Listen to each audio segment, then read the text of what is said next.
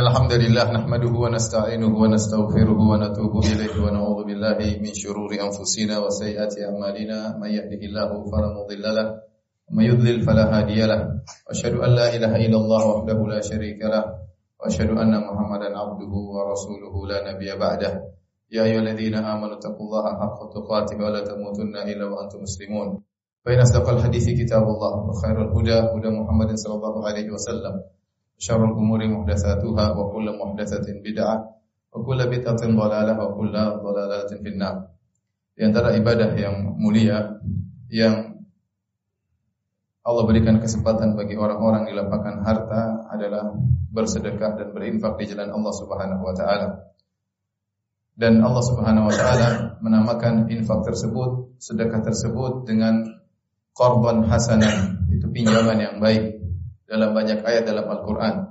Di antaranya Allah berfirman, In tukridullaha qardan hasanan yudha'afu lahu Barang siapa yang memberi pinjaman kepada Allah Subhanahu wa taala, maka dengan pinjaman yang baik, maka Allah Subhanahu wa taala akan berikan balasan yang berlipat ganda. Demikian juga firman Allah Subhanahu wa taala, "Man dzalladzi yuqridullaha qardan hasanan fayudha'af fayudha'af lahu wa lahu ajrun karim." Man dzalladzi yuqridullaha qardan hasanan yudha'af lahum yudha'afu lahu adhafan katsira. Dan dan banyak ayat yang menyebutkan tentang korban hasanan. Allah Subhanahu wa taala menamakan dengan korban hasanan pinjaman yang baik ya sebagai isyarat bahwasanya pinjaman tersebut akan dikembalikan oleh Allah Subhanahu wa taala. Allah memposisikan dirinya seakan-akan dia sedang meminjam dari hambanya. Dan kita tahu bahwasanya kalau yang meminjam dari kita adalah seorang yang kaya raya tentunya dia akan mengembalikan. Pasti dia akan kembalikan. Apalagi jika yang meminjam adalah Allah yang maha kaya. Makanya Allah berfirman, "Wa ma anfaqtum min syai'in fahuwa yukhlifuh wa huwa khairur raziqin." Apa yang kalian keluarkan berupa kebaikan di jalan Allah, maka Allah akan menggantikannya dan dia sebaik-baik pemberi rezeki. Maka tidak perlu kita ragu kalau kita memberi korban hasanan pasti diganti oleh Allah Subhanahu wa taala. Apa ini maksud dengan korban hasan atau korban hasanan? Al-Imam Al-Qurtubi rahimahullah taala dalam tafsirnya menukilkan dari Al-Qushairi rahimahullah taala yang dimaksud dengan korban hasanan atau korban hasanan di antaranya memiliki sifat-sifat berikut ini. Yang pertama, seorang yang bersedekah harus ikhlas kepada Allah Subhanahu wa taala. Dia bersedekah bukan karena riya, bukan karena sum'ah, bukan karena ingin dipuji, bukan karena ingin disanjung ya, tetapi benar-benar ikhlas karena Allah Subhanahu wa taala. Yang kedua, dia harus bersedekah dari harta yang halal karena Allah tidak menerima kecuali dari harta yang halal. Innallaha thayyibun la yaqbalu illa thayyiban kata Nabi SAW sebenarnya Allah Maha baik. Allah tidak menerima kecuali dari yang baik pula. Yang ketiga dia bersedekah dengan harta yang baik bukan dengan harta yang buruk. Ya ayyuhalladzina amanu anfiqu min thayyibati ma kasabtum wa mimma akhrajna lakum minal ardh wa la tayammamul khabitha minhu tunfiquna wa lastum bi akhirihi illa an tughmidu fi.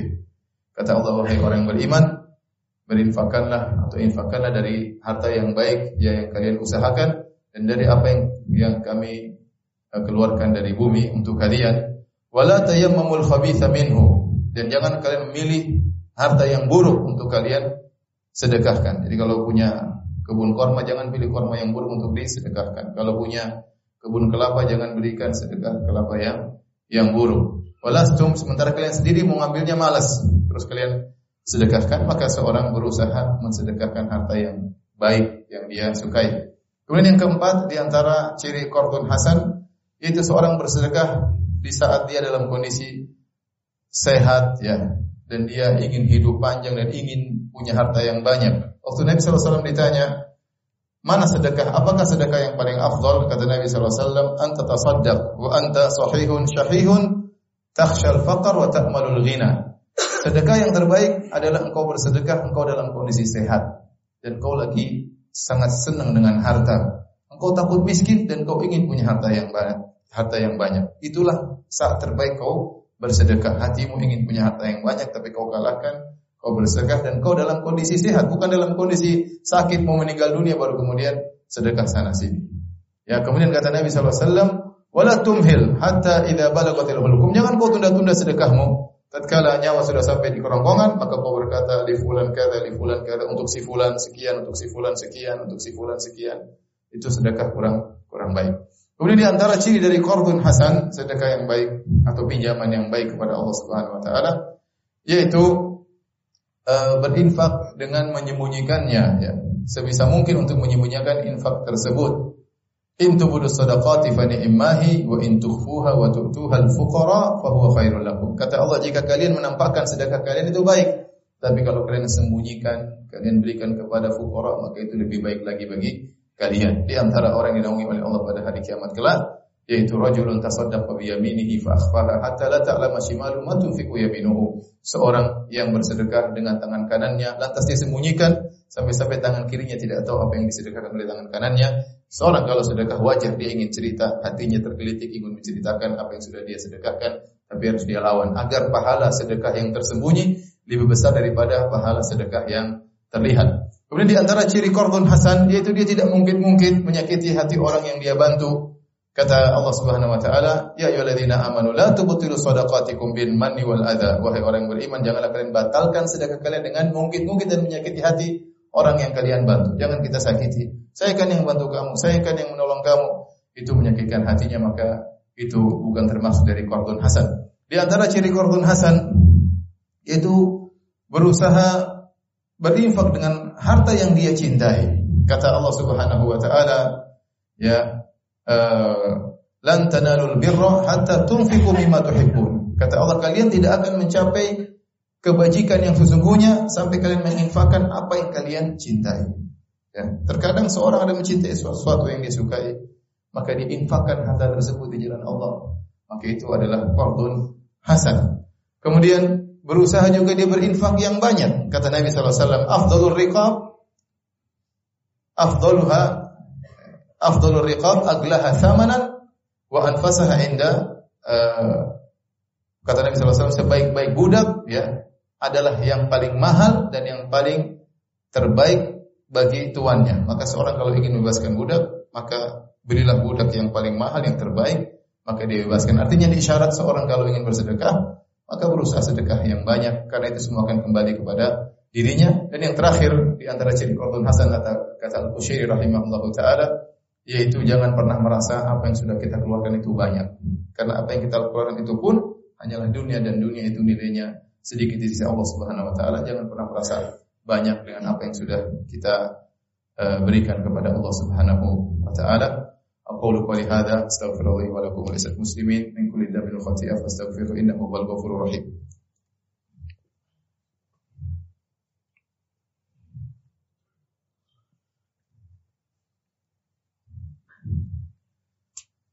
الحمد لله على إحسانه له على توفيقه وامتنانه وأشهد أن لا إله إلا الله وحده لا شريك له تعظيما لشأنه وأشهد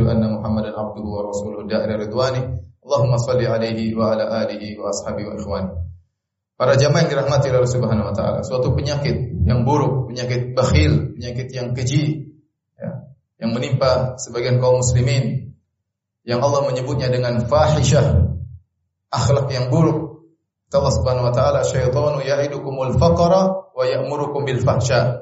Sungguhnya syaitan menakut-nakuti kalian dengan kemiskinan. Jangan bersedekah, jangan bersedekah nanti kalian miskin.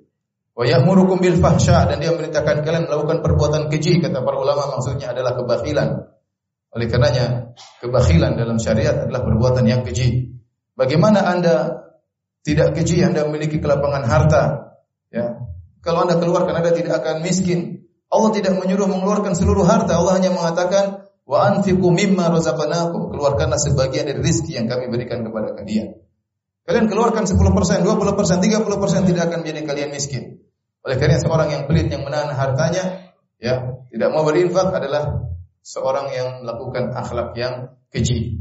Padahal jika dia berinfak, manfaatnya akan kembali kepada dirinya. Allah tidak butuh itu semua.